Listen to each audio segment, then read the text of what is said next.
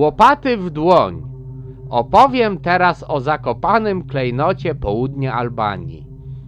Klejnot ten został wpisany na listę UNESCO, jednak od tego czasu przykryły go pokłady brudu i dziadostwa. Mówię tu o starej zabudowie Girocaster. Miasto rozciąga się na górskim zboczu. Cała zabudowa, zarówno domostwa, jak i bruk uliczny, wykonane są z białego łupku, wydobywanego w kopalniach nieopodal. Oczywiście to, że zostały wykonane kiedyś z białego łupku, nie oznacza, że są białe do dziś. Dziś są szarawo-brudne i po prostu czarne. Jednak na potrzeby tej narracji wyobraźmy sobie oczyma duszy swojej, że są śnieżno-białe. Kręte uliczki, pnące się stromo pod górę, są wąskie. Na tyle, że przejeżdżające co jakiś czas samochody zmuszają mnie do przytulania się do ścian. Z samochodami w Albanii sprawa wygląda następująco. Jako, że posiadanie samochodu zaraz po posiadaniu dobrej żony stanowi o wysokiej pozycji społecznej Albańczyka, więc jedną z pierwszych większych rzeczy, które kupuje sobie mężczyzna po tym jak zarobi pierwsze w swoim życiu pieniądze, jest auto. Najlepiej marki Mercedes. W praktyce wygląda to tak, że 3 czwarte jeżdżących po albańskich drogach samochodów to kilkunastoletnie, ponad dwudziestoletnie, a niekiedy nawet ponad trzydziestoletnie gruchoty wyprodukowane niegdyś przez zakłady Mercedesa. Resztę stanowią auta innych marek, niekoniecznie nowsze, ale na wszelki wypadek wyposażone w wielki znaczek Mercedesa, przykręcony w miejsce znaczka oryginalnego. Tak, metalowy znaczek Mercedesa to chodliwy towar na albańskich bazarach i od biedy mógłby stanowić nawet pamiątkę dla turystów z wycieczki po Albanii. Po tej pouczającej historyjce powróćmy na brukowane uliczki Girocaster.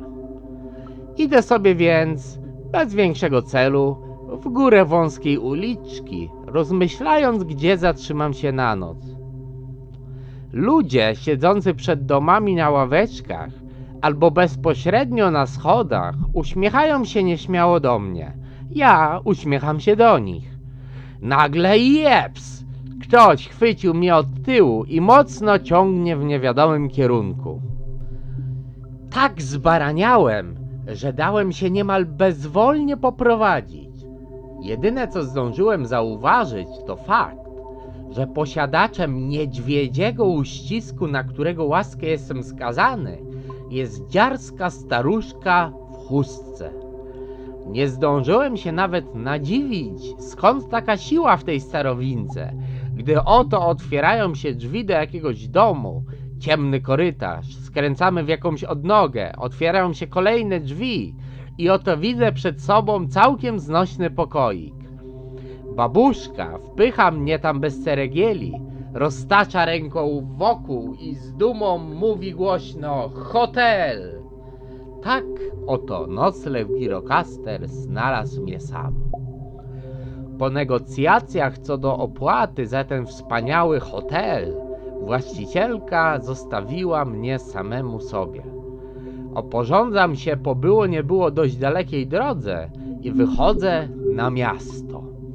Ludzie pozdrawiają mnie ze swych ławeczek, uśmiechają się, co odważniejsi nawet zagadują.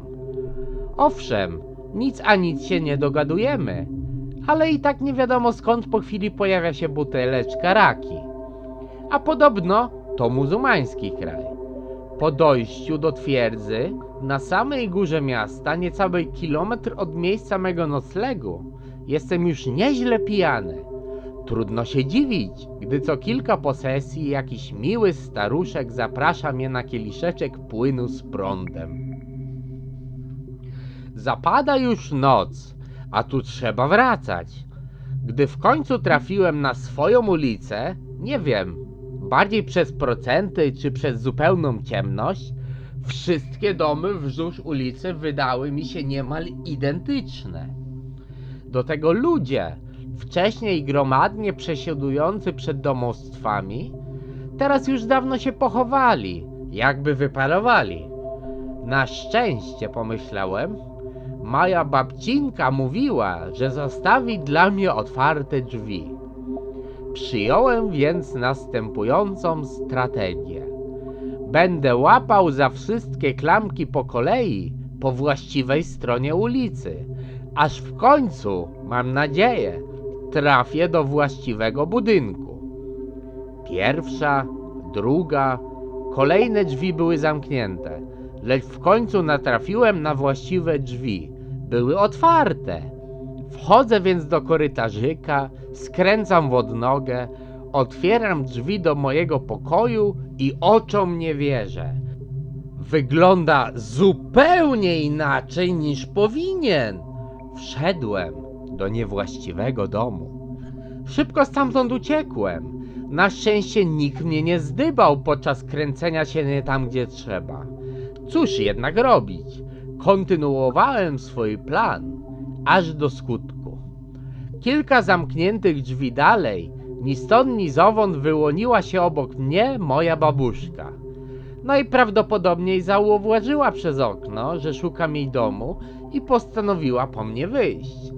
Jednakże, jako że szarpałem za klamkę sąsiedniego domu, domyślam się, że uznała, iż chce złożyć wizytę sąsiadom. Zaczęła więc pukać do bramki, a następnie coraz natarczywiej się dobijać. W końcu drzwiczki się uchyliły na tyle, że zauważyłem małe podwóreczko, na którym przy stoliku siedziało trzech staruszków, coś tam sobie popijając. Babuszka coś tam zaczęła tłumaczyć staruszkowi, który otworzył drzwi. Ja, choć zaczynałem się czuć coraz bardziej nieswojo, twardo stałem obok. Po kilku chwilach coraz bardziej zażartej konwersacji, babcia wskazała palcem na mnie i aparat, który akurat miałem na szyi, i znów zaczęła coś tłumaczyć sąsiadowi. Sąsiadowi się to nie spodobało i zaczął krzyczeć. Babcia nie pozostała dłużna i też zaczęła wrzeszczeć, aż do chwili, gdy sąsiad z hukiem zatrzasnął drzwi przed nosem.